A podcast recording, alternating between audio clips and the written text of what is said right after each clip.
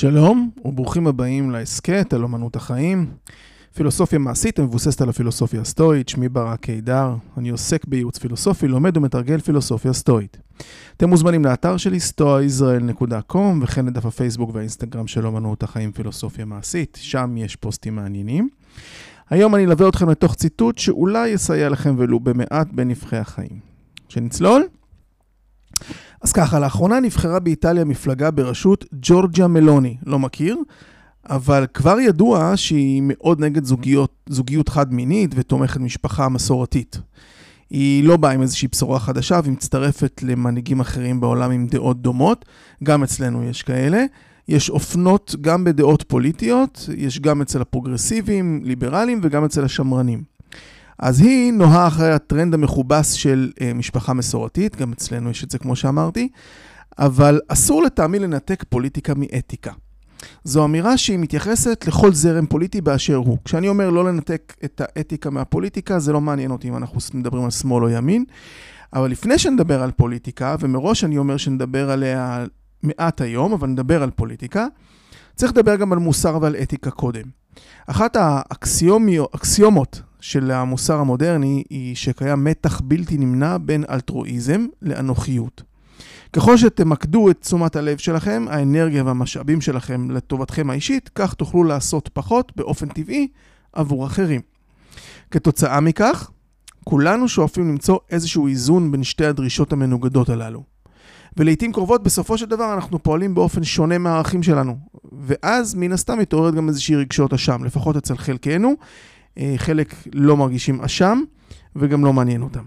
אבל מה אם זו למעשה דיכוטומיה שקרית? מה אם למעשה לא צריכים לבחור בין האלטרואיזם לבין האנוכיות, מה שטוב לי ומה שטוב לזולת?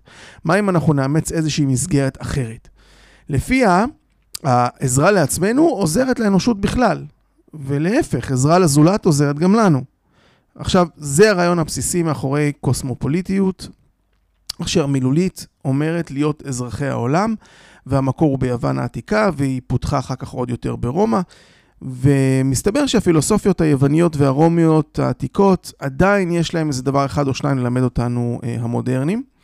ובהקשר הזה אנחנו נדבר היום קצת על אה, קוסמופוליטיות, קצת על פוליטיקה, נציין כמה דברים אה, מודרניים.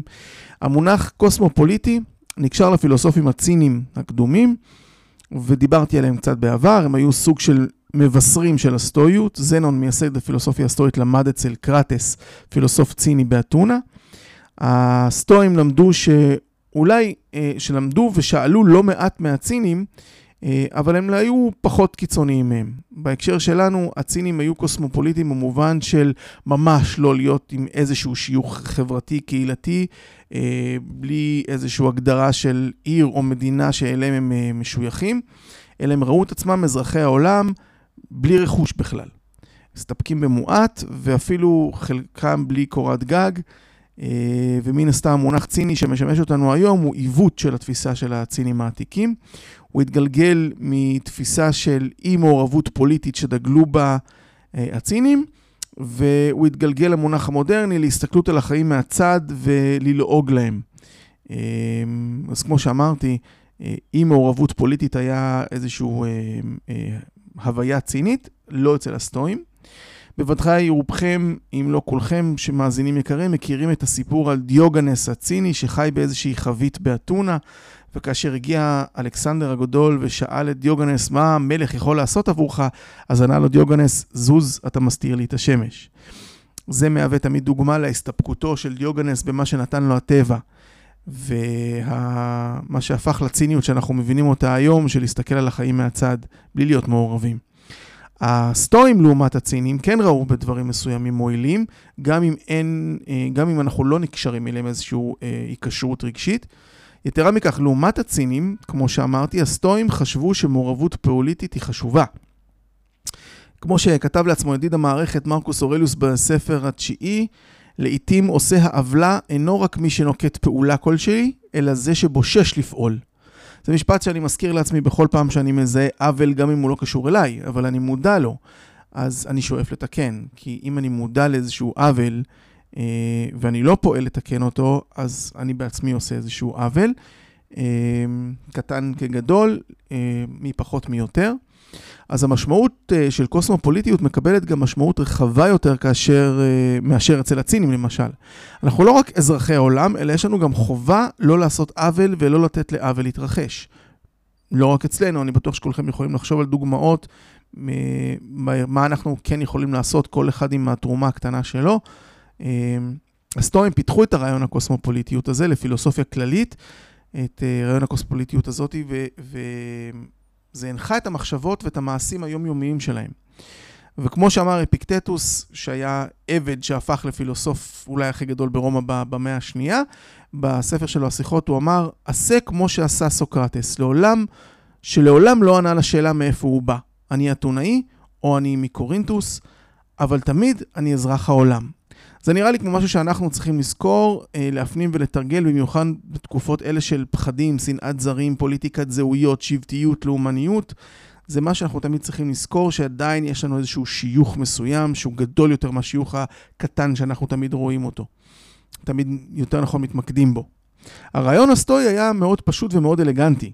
כל בני האדם גרים באותה עיר גדולה.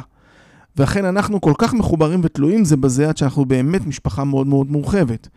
ואנחנו צריכים לפעול בהתאם, למעננו. והפואנטה פה היא לפעול באמת, אה, וזה בהקשר של מה שאמרתי בהתחלה, האם, האם כשאני פועל למען הזולת אני גם פועל לעצמי. בפרק 34, לא מזמן זה היה, דיברתי קצת על קוסמופוליטיות ועל התפיסה של הפילוסוף הרוקלס. אני נזכיר את זה רק בקטנה. סליחה. הפילוסוף הסטואי הרוקלס הגה איזושהי תמונה של מספר מעגלי דאגה קונצנטריים, זאת אומרת במרכז, מעגל הקטן והפנימי שהוא אני, ממש מחוצה לו המעגל של המשפחה שלי, מחוצה, ל, מחוצה לזה מעגל קצת יותר גדול, החברים שלי, המעגל הבא הוא הארץ, מי שגר איתי בעת העתיקה זה היה פוליס, העיר, אחר כך זה בני ארצי, בסוף זה האנושות בכלל. הפילוסוף המודרני פיטר סינגר למשל, הוא מדבר על להרחיב את המעגלים האלה. והוא מדבר על להרחיב את הדאגות שלנו כך שהם יכילו עוד ועוד אנשים, ובכך להתגבר על האנוכיות הטבעית שלנו. הרוקלס, לעומת זאת, חשב שעלינו לשאוף לכיווץ המעגלים, זאת אומרת, לכיווץ של המעגלים, לשאוף פנימה. ופיטר סינגר דיבר על לשאוף להסתכל החוצה, למעגלים הגדולים יותר. לקרב אנשים אחרים אלינו, אמר הרוקלס, כי אנו מבינים שהם קרובי משפחה שלנו.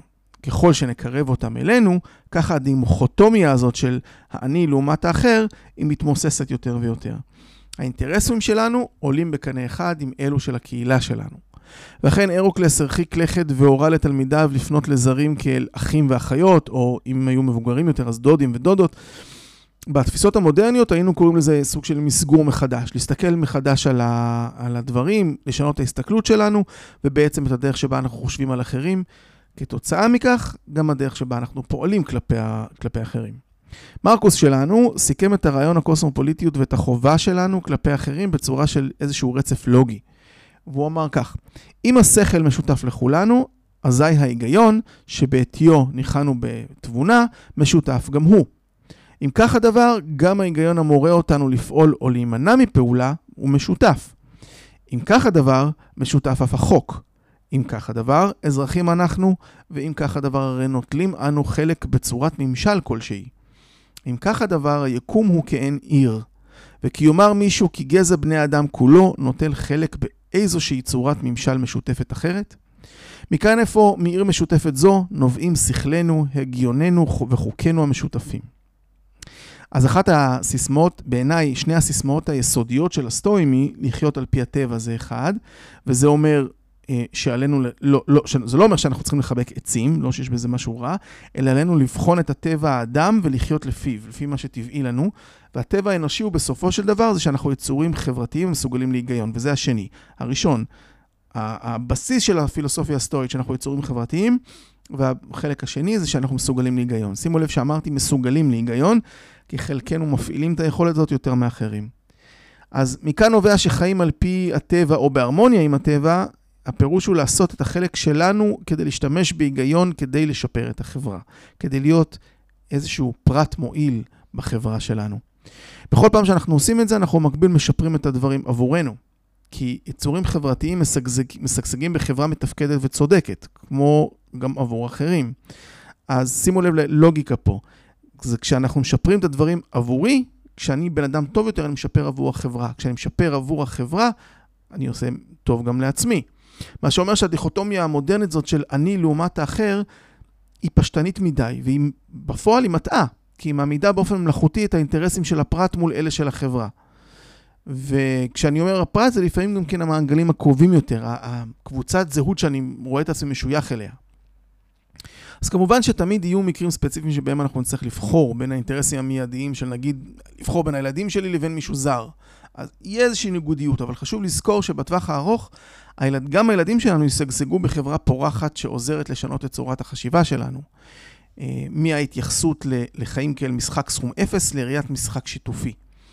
עכשיו, זה אומר שזה מצטמצם, ומה שבאמת נוגד את האינטרס של צריך להגן רגע על הילדים שלעומת זרים, הוא מצטמצם מאוד. זה מעט מאוד דברים יהיו כאלה, שאני ש, uh, צריך להסתכל רגע קודם כל על הילדים שלי. אם אני מסתכל על uh, כלל החברה ואני פועל למען להיות פרט טוב בחברה, אני פועל גם למען הילדים שלי. אז זה לא באמת משחק סכום אפס. נקודה חשובה. הסטואיות לא טוענת שאנחנו צריכים לחיות באוטופיה, כמו איזושהי כוורת של דבורים. הסטואים הם לא פשיסטים שחושבים שפרט הוא למען הכלל. האינדיבידואליות אה, מונ... מונחית לטובת הקבוצה. לא, זו לא צורת החשיבה, ואני לא טוען את זה בשום צורה שהיא, שאני צריך לוותר על האינטרסים שלי לעומת הכלל. ממש לא. להפך. הסטואים היו מגנים נלהבים של חירות האדם, והעריכו מאוד את העצמאות של כל אדם ואדם. היצירתיות מגיעה לשם, השיפור, הקדמה בחיים מגיעה מאינדיבידואלים שהם אה, אה, הצליחו להעצים את עצמם וליצור. אבל הסטואים חשבו שהחופש לרדוף אחרי המטרות האישיות, לפרוח בדרך שלנו, מבוססת על קיומה של חברה של אינדיבידואלים חופשיים באופן דומה. כולנו חופשיים באופן דומה, וכל אחד יכול באמת אה, ליצור ולייצר. מספרים למשל על שפינוזה, שבעיניי אחד הפילוסופים שאני הכי אוהב, מספרים עליו שכשהוא אה, הוא, כשהוא יצא מהקהילה היהודית ועשו עליו חרם, והציעו לו באיזושהי אוניברסיטה מאוד מאוד גדולה ללמד ולהיות פרופסור מנהל פילוסופיה, אבל הגדיל, הגבילו אותו ולא ללמד פילוסופיה שפוגעת בדת, כולל הנוצרית, הוא סירב. כי הוא לא היה יכול ללמד פילוסופיה בלי החופש של תפיסת עולם הפילוסופית שלו. הוא לא יכל ללמד פילוסופיה ולהג... ולהגביל אותה ולא לתת לה באמת את הביטוי שהוא צריך. זה אותו דבר כמו באותה אמירה של אה, החופש לרדוף אחרי המטרות האישיות, לפרוח בדרך שלנו, וזה מבוסס על חברה שמקבלת את זה. זה מבוסס על קיומה של חברה שרואה בכל הפרטים שלה חופשיים באופן דומה. וחברה כזאת אפשרית רק אם אנחנו נבין שהאינטרסים הקולקטיביים הולמים באופן נרחב.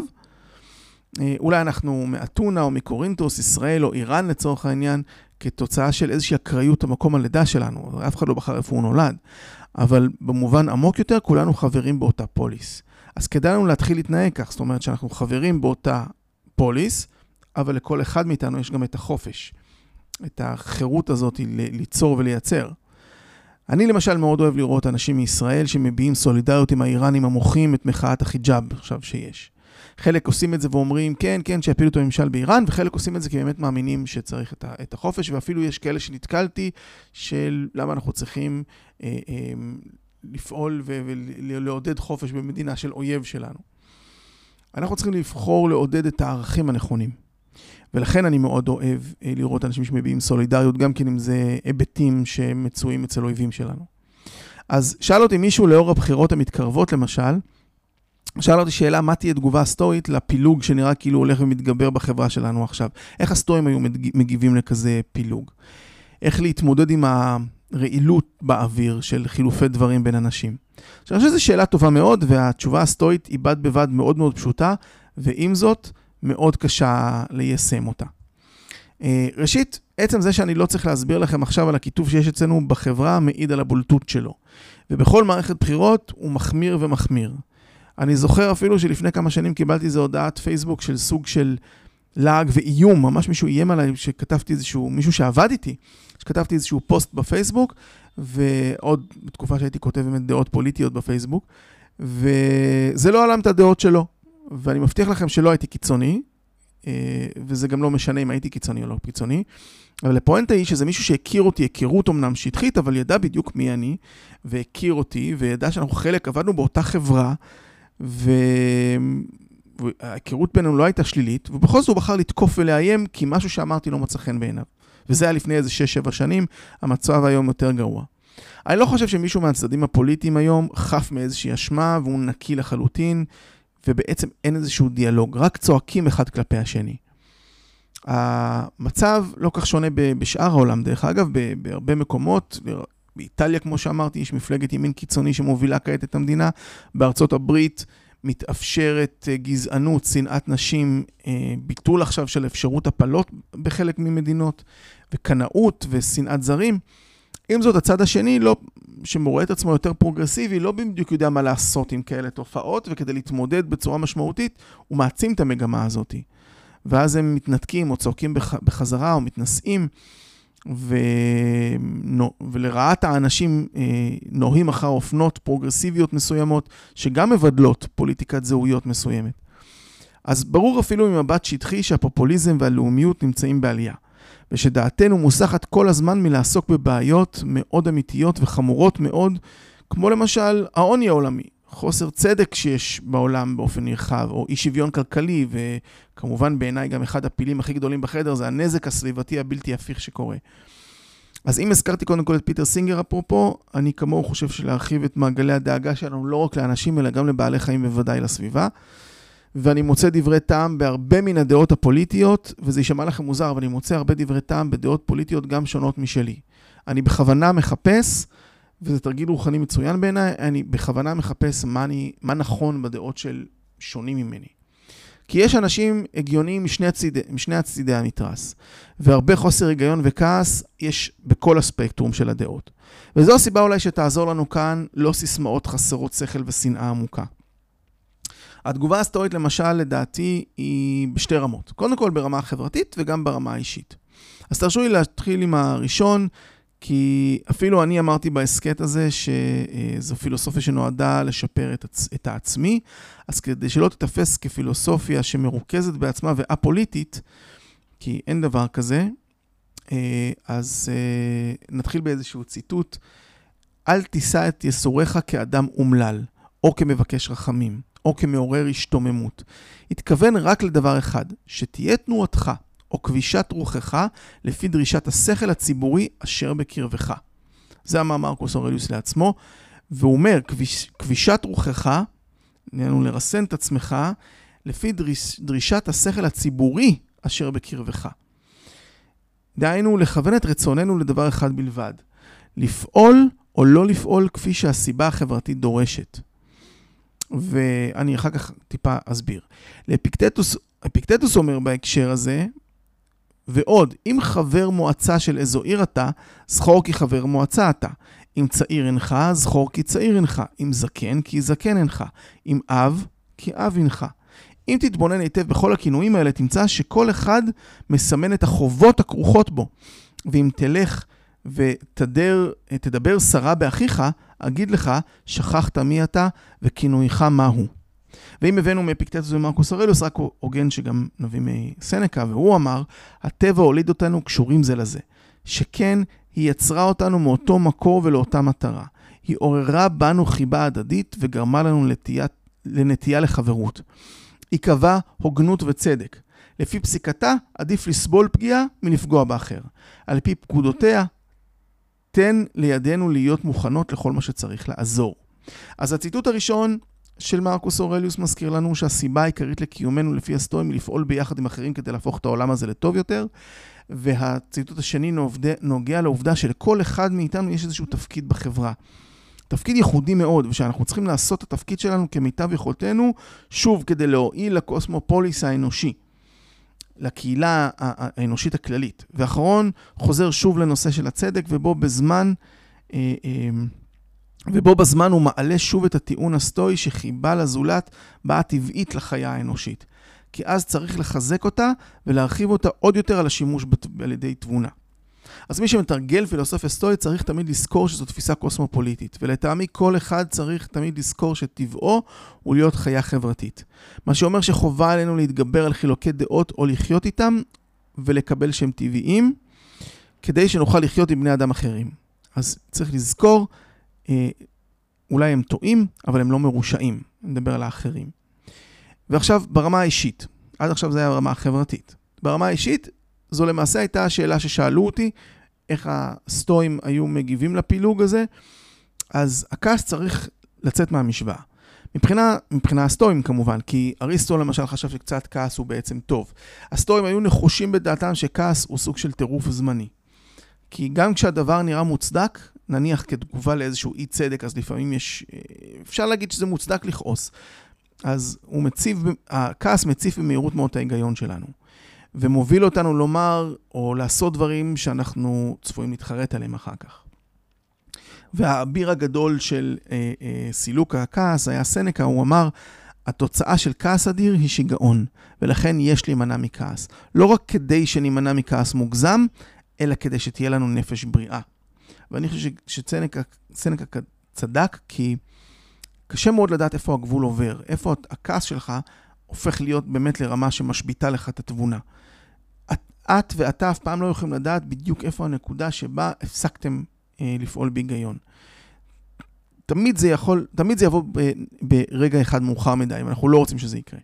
אז הסטואים ראו בבירור את כל מה שנוגע להתנהגות האנושית, ומכיוון שהם ציפ, ציפו לחלוטין לאיזושהי קטנוניות ולכעס ואפילו לשנאה, אז uh, הם, הם לא היו תמימים, וזו הסיבה שאחד הציטוטים הכי מפורסמים, מרקוס אורליוס uh, אומר, בבוקר השכם אמור לנפשך, היום אני אפגוש אדם יהיר, כפוי טובה, עז פנים, זד, הולך רכיל ובוגד, אדם שאין להתחבר עמו.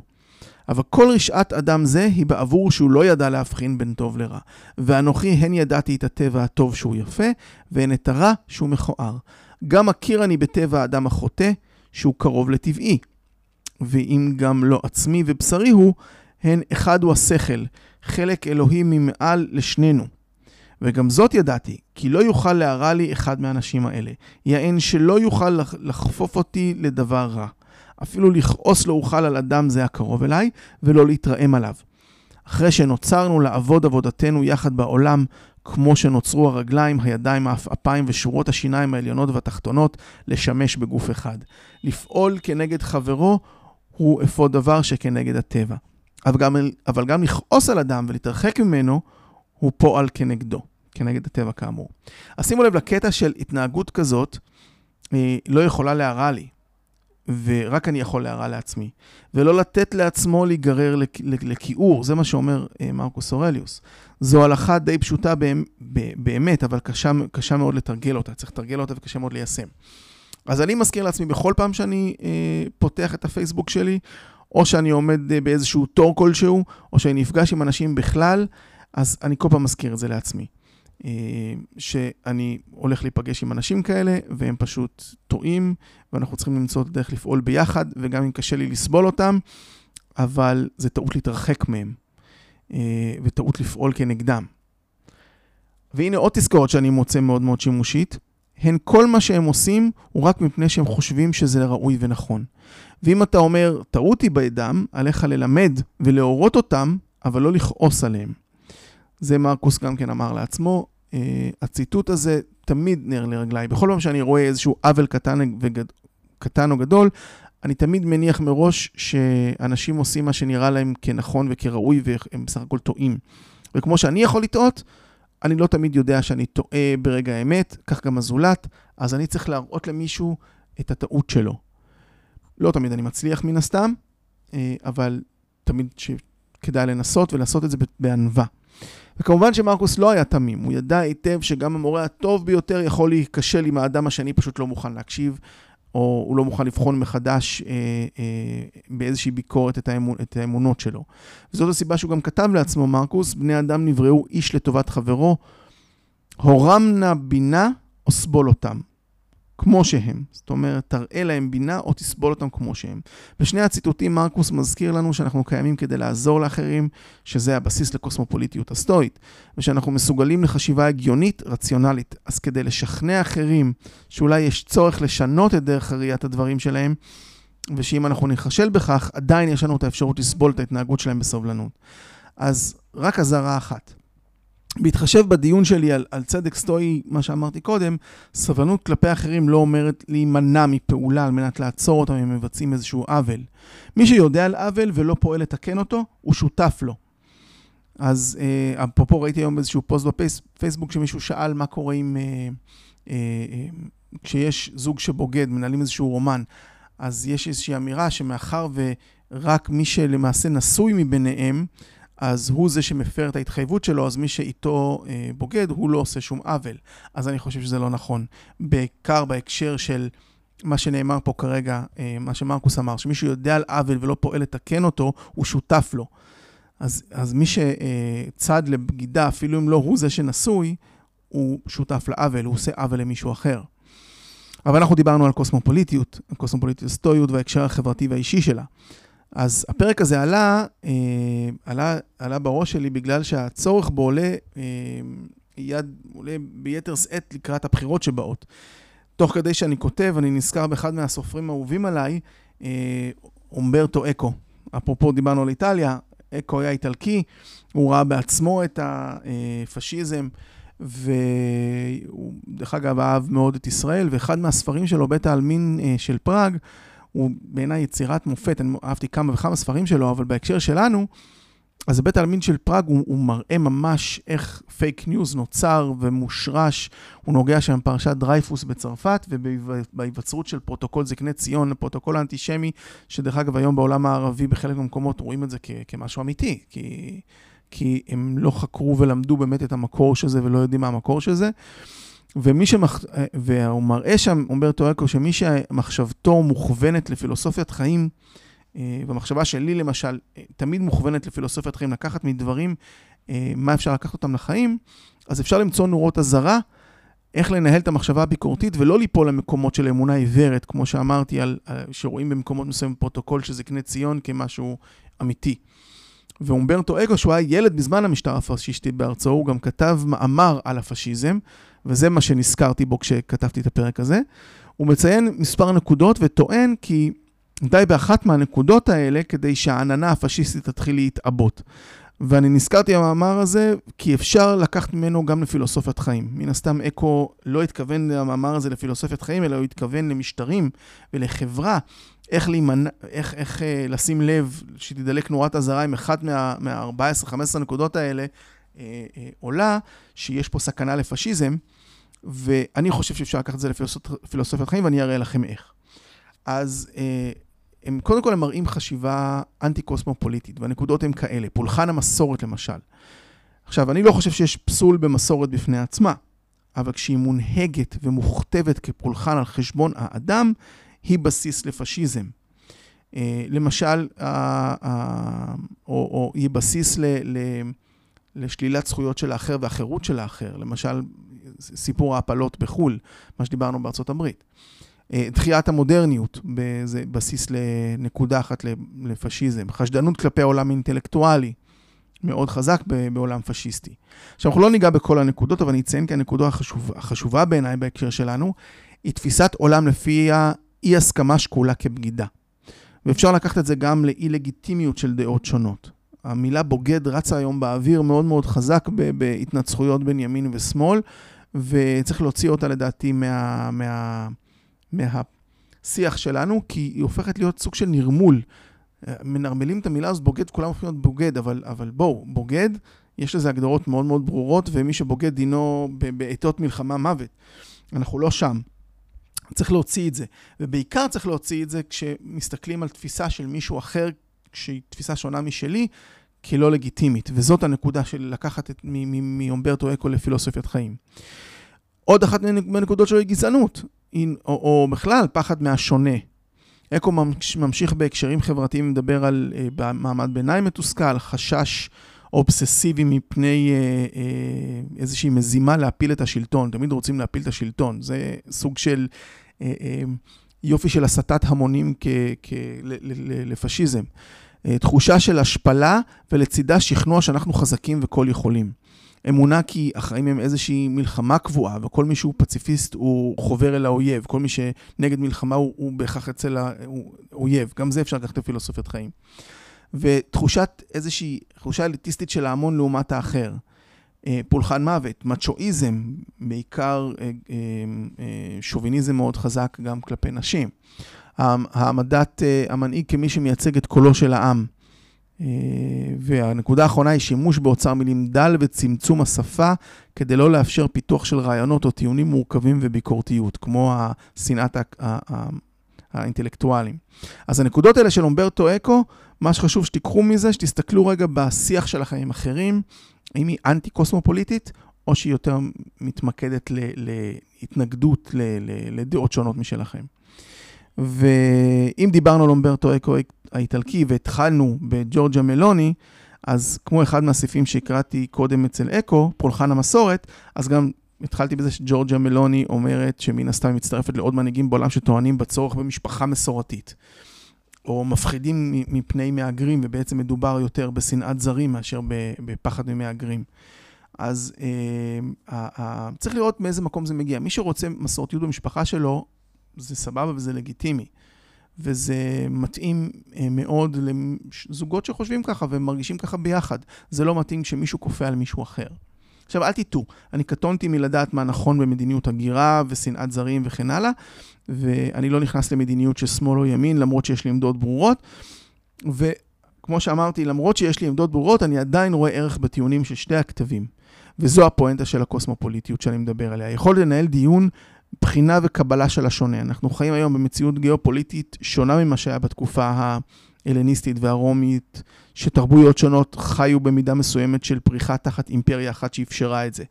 זאת אומרת, שיש לנו מה ללמוד גם מהרומאים וההלניסטים. לא צריך שתנהל אותנו איזושהי אימפריה כדי שאנחנו אה, נאפשר קוסמופוליטיות, צריך פשוט לקבל אה, את הזולת, וצריך קודם כל להתחיל בנו עצמנו, ובין בן אדם לחברו.